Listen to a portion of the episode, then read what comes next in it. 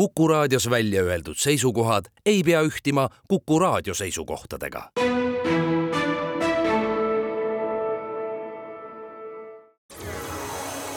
loodusajakiri, vaata ka looduseajakiri.ee tere kõigile, ilusat reede õhtu jätku koos Kuku raadio ja Loodusajakirja saatega. täna on saates külas ajakirja Horisont peatoimetaja Ulvar Käärt, tere! tere, tere! mina olen saatejuht Tiia Rööp. Me hakkame tutvustama selle aasta esimest Horisondi numbrit ning meil on rääkida õige mitmest uuest asjast, näiteks sellest, et Horisondil on uus kujundus, ka sellest, et Horisondi koduleht muutub ja on ka juba selles numbris üsna mitu uut artiklisarja kuidagi niimoodi on ta välja meil kukkunud tõesti, et ma ise, kui seda veebruari numbrit kokku panime, et siis tabasin ennast nagu korduvalt mõtlemas, et kuidas need asjad nüüd kõik korraga nüüd äh, selle aasta algusesse kohe sattusid, aga tõesti, et seekord võib nagu öelda, et veebruarikuus on kõik meil uus justkui. tõesti, natukese värskendasime kujundust, mis seal teha, tuleb ikkagi ajaga kaasas käia, ma arvan, et ega see, kes on harjunud Horisonti lugema, et ega talle see kuidas öelda, see võib-olla ei olegi nii tähtis, äh, mismoodi see ajakiri välja näeb, vaid tegelikult äh, nagu läbi aja ikkagi Horisondil on ikkagi see tähtis, on see tarkus, mis siin sees on või, või need lood, meie autorid, eks tegelikult ikkagi omajagu on ka tähtsust ikkagi sellel, mismoodi ajakiri välja näeb. kuna juba kümmekond aastat oli meil see kujundus olnud sama, siis arvasime, et võiks ikkagi ajakirjaga niisugust värskendust teha kujunduse poole pealt. ja, ja kui me vaatame veel ka seda, eks ju, et äh, mitmed rubriigid meil nii-öelda said otsa, et siis tuleb ju vaadata ka seda, et äh, midagi uut jällegi, et siis äh, mitu artiklisarja me lükkasime käima, Jaan Aru tuli appi ja tegime selles numbris juba otsa lahti ja samas tuli ka näiteks äh, selline arvutiteaduse ilmas toimuvat kajastav tehnokraadi kroonikad, kus siis on üks Horisondi lemmikautoreid Ülar Allas, hakkab nagu tutvustama, mis selles vallas nagu toimub põnevat, samas ka näiteks ajaloorubriik, Mati Laur äh, vaatleb nagu seda, et äh, kus siis ütleme, selline asi nagu ajaloo kirjutuse lätted meil on. et ei ole kogu aeg olnud selline ajalugu kui selline omaette teadusharu ja näiteks ka siis äh, meil on ju teada-tuntud, on äh, osteoarheoloog Martin Malve sellised vanade luude uurimise lood, aga et äh, arheoloogia ei ole tegelikult ainult üksnes selline luude uurimine, vaid et seal leitakse igasugu muud põnevat äh, uurimisteemasid, et siis seda temaatikat nagu laiendada või ütleme, selliset suuremat pilti pakkuda, et siis näiteks Erkki Russov hakkab seal palverännakute jälgedel selline rubriik, uues rubriigis tutvustama liivimaalaste selliseid keskaegseid palverännak-, kui jälgi, mis on siis äh, viimastel aastatel äh, maapõuest avastatud. aga jah, kodulehest rääkisime, et siis tegelikult ju Horisont on ikkagi olnud ajakirjana ikkagi see põhiplatvorm või see A ja O on ikkagi selline trükiväljaanne või paberväljaanne aga mis seal salata, ajaga tuleb kaasas käia ja me peame kogu aeg seisma hea selle eest, et äh, olla ka digitaalselt või siis elektroonilistes kanalites võimalikult hästi kättesaadav, et siis selles võtmes meil on nüüd äh, ühe uuendusena plaanis äh, hakata pakkuma sellist võimalust kodulehel, et on näiteks huvilised saavad siis artikleid näiteks osta eraldi artikli kaupa, mis siis aasta jooksul muutuvad tegelikult kõikidele vabalt kättesaadavaks. ja saime vist nüüd nendele uuendustele ringi peale jah, vaatame nüüd ajakirja Horisont veebruari-märtsi numbri kaante vahele, siis me leiame siit Jaan Aru artiklisarja Aru ja tehisaru ning selle sarja esimene artikkel kannab pealkirja Inimaru tehisaru ajastul. Jaan Aru toob välja, et kui mõni aeg tagasi prognoositi, et tehisaru hakkab üle võtma lihtsamaid töid, et lihtsamate tööde tegijad peaksid muretsema oma leiva pärast, siis praegu tuleb välja, et tehisaru võib üle võtta hoopis programmeerijate, disainerite ja turustustekstide loojate töö miks me sellise ajusarja, tehisaru artiklisarjani jõudsime, et tegelikult ikkagi aasta kaks tuhat kakskümmend kolm on ajalukku minemas kui tehisaru aasta või siis on see tehisaru ajastu algus. ja, ja Jaan Aru siis vaatlebki tegelikult selle chat GPT võtmes, et mis süsteem see selline on, kuidas sellise süsteemini jõuti, aga tõesti, et tegelikult äh, see, kes on juba ma pean tunnistama, et mina seda chat-GPT-d proovisin õige hiljuti alles, et mis, mis kunstnik ta on või mis vigureid ta siis teeb või mida ta oskab äh, justkui, aga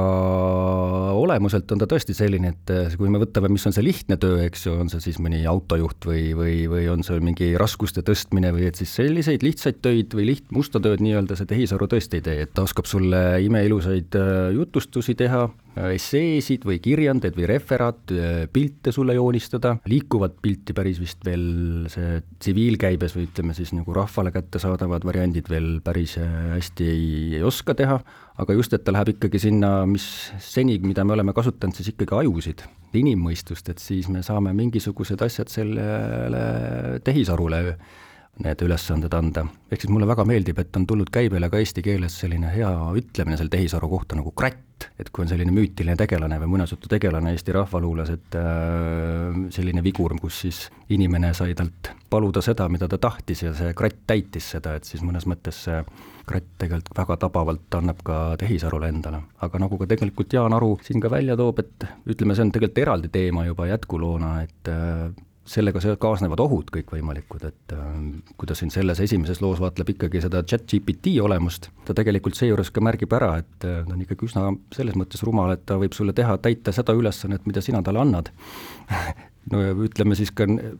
viitab ka sellele, et, et ta ei ole selline isearenev või, või äh, nagu asi iseeneses veel, et äh, kes justkui võiks meile mingit ohtu kujutada, et eeskätt äh, see kõige suurem oht sellise tehisarusüsteemi kasutamisel on ikkagi meie enda inimlik lollus. et kuidas me seda võime enda või kellegi teise vastu kuidagi halvasti kasutada, jah. leidsime ajakirja Horisont värsket numbrit edasi me leiame siit intervjuu, sa käisid rääkimas Tallinna Tehnikaülikooli Materjali- ja Keskkonnatehnoloogia Instituudi direktori professor Maarja Krossberg-Kuusega. selle jutuajamise läbivaks teemaks oli päikeseenergeetika ja materjal, mille nimi on kesteriit. miks kesteriit on üks oluline materjal? Seni meil on ikkagi kõige levinumad päikesepaneelide materjalid, no üldse, miks me räägime päikeseenergeetikast juba, et me ju üle ega ümber ei saa sellest kurikuulsast rohepöördest ja siis kõikvõimalikest tehnoloogia arendamisest, mis seda peaks saatma ja meile seda teed sinna rohelisse tulevikku justkui sillutama. aga et see kesteriit, mida on äh, Tallinna Tehnikaülikoolis juba aastaid uuritud, on üks selline äh, väga teadlastele huvipakkuv alternatiivne päikesepaneelide materjal et kui näiteks need kõige levinumad äh, ränipaneelid, mis meil on, et äh, kui need on ikkagi eeskätt äh, sisaldavad ka selliseid keskkonnahtlikumaid ühendeid või et siis see kesteriit on selline lihtne, miks ta nagu teadlastele just pakub, et ta on selline keskkonnasõbralikum ja liht-, lihtsatest koostisosadest koosnev materjal. et on siis vask, tsink, tina ja, ja väävel, millest siis kesteriit kokku küpsetatakse. Ja miks me siis just ka selle, seekord Maarjaga sellest kesteriidist lähemalt rääkisime, et üllatus-üllatus, et meie teadlased siis Tehnikaülikooli see päikeseenergeetika materjali teaduslabori teadlased äh, suutsid siis esimesena maailmas kesteriidi kasuteguri tõsta kaheteistkümnele protsendile, et see on siis äh, maailmarekord praegu. Ja, ja mis siis ütleme, selles valguses mulle väga meeldiski, et kuidas siis selline asi juhtub, et toimub mingisugune läbimurre et kuidas see käib, et on seal siis järjekindel töö, muidugi seal on ka järjekindel tööd, aga, aga tegelikult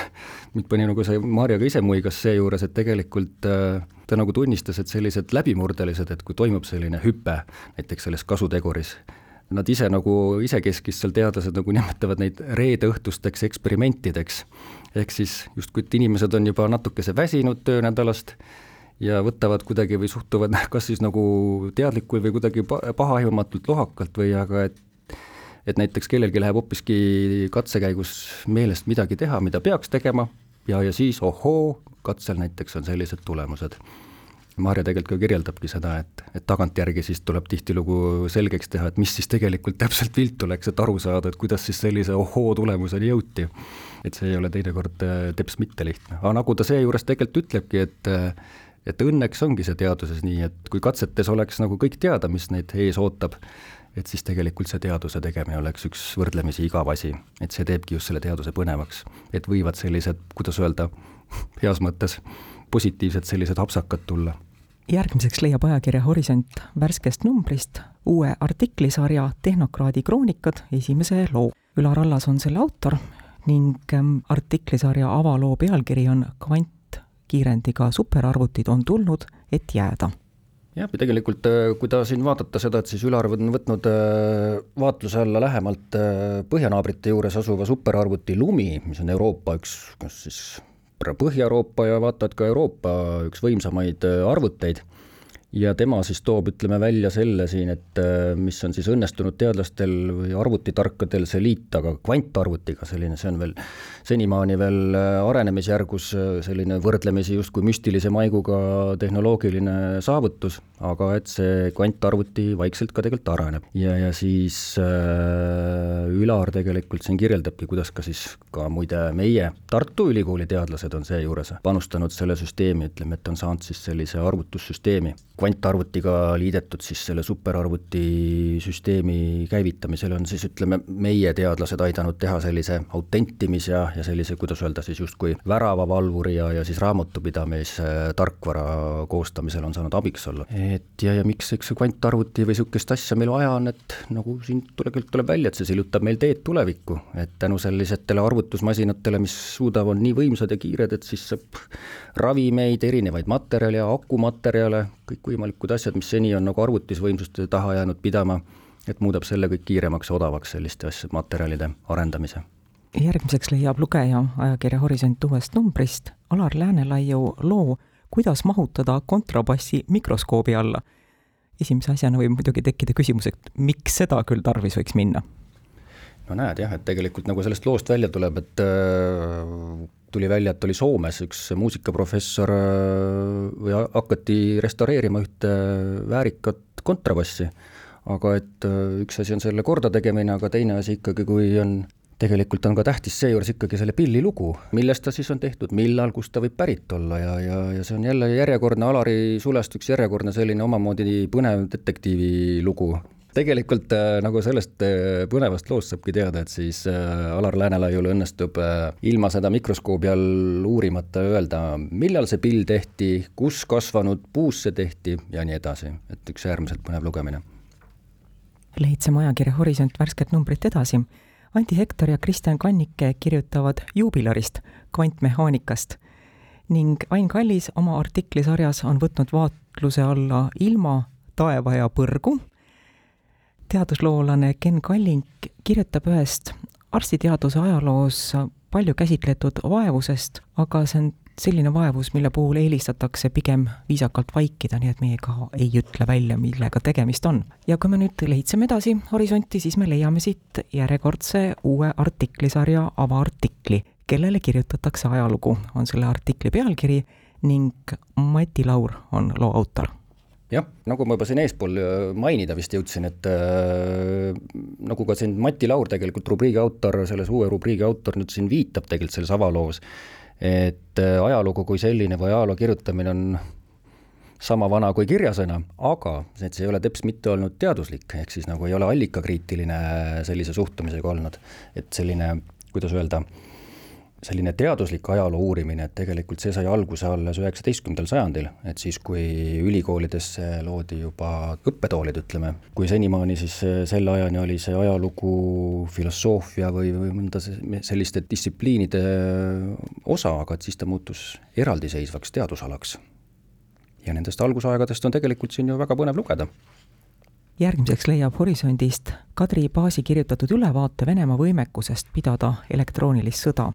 loo pealkiri on Nähtamatu sõda, mida peetakse megahertside signaalide ja kilovoltidega. ja kui edasi lehitseda Horisondi värsket numbrit, siis leiab siit Erki Russovi artiklisarja Palverändurite jälgedel, see on taas uus sari, alates siis Horisondi esimesest, selle aasta esimesest numbrist. seekordse loo pealkiri on Kas vagamees, rüütel, sant või seikleja? keskaegsete palverändurite kirju maailm. lugedes Erki Russovi artiklisarja avalugu, sain ma aru, et mul on olnud väga romantiline ettekujutus sellest, kes olid palverändurid. näiteks see, et olid ka olemas palgalised palverändurid, et see oli kui teenus, seda tehti raha eest. see, ütleme, et muutis minu maailmavaadet nende minu osas. jaoks oli see samamoodi üks selline uus äh, teadasaamine, nagu see horisondi tegemine on, et sealt saad alati midagi uut jälle teada, et siis see on jälle, tõesti oli sellest loost ka üks uuem asi, et kui ta siin nagu vaatlebki seda, et kes need käisid rändamas, et kui ta vaatab siin Liivimaale ja keskajale, ütleme, milles see rubriik hakkab ka olema selle aja vaimus, et kes need siis olid, need palverändurid, ikkagi meie oludes ei olnud nagu ikkagi see maarahvas vaid et ikkagi eeskätt, kes siit käisid äh, Liivimaalt, käisid äh, kuskile kaugemale, oli see nüüd siis äh, kuskile Kesk-Euroopa või veel kaugematele pühapaikadesse käisid rändamas, et need olid ikkagi kristlased, kes olid rohkem selle kristlusega ja usuga põim-, läbi põimunud. aga tõesti, vanasti, kui siis ütleme, inimene suri ja kel vist oli siis jäänud käimata palverännul, et siis ta sai seda pärandada raha, et siis keegi, kes siis tõesti palgaline randur, sai need margad või, või, või taalrid ja siis ta käis täpselt nii, nagu siis äh, see lahkunu oli soovinud, tegi tema eest nii-öelda selle palverännaku ära et see kõlab täpselt nagu, et kui oli vaja patt andeks saada, et siis tuli kirikule lõivu maksta, et pattud lunastada. et jääb sama mekk nagu sellele asjale juurde. aga tõesti, selline uus rubriik nagu meil tuleb nüüd, et saab näha, milliseid leidusid siis ütleme, siin järgmises loos juba saab, tutvustatakse ajakirja Horisont värskes numbris on veel lugusid, mis ootavad lugejat, aga meie saateaeg ei luba neist kõigist rääkima hakata. aitäh, Ulvar Käärt, et sa tulid stuudiosse ja tutvustasid ajakirja Horisont värsket numbrit. aitäh! aitäh kõigile kuulajatele, jälle kuulmiseni! loodusajakiri, vaata ka looduseajakiri.ee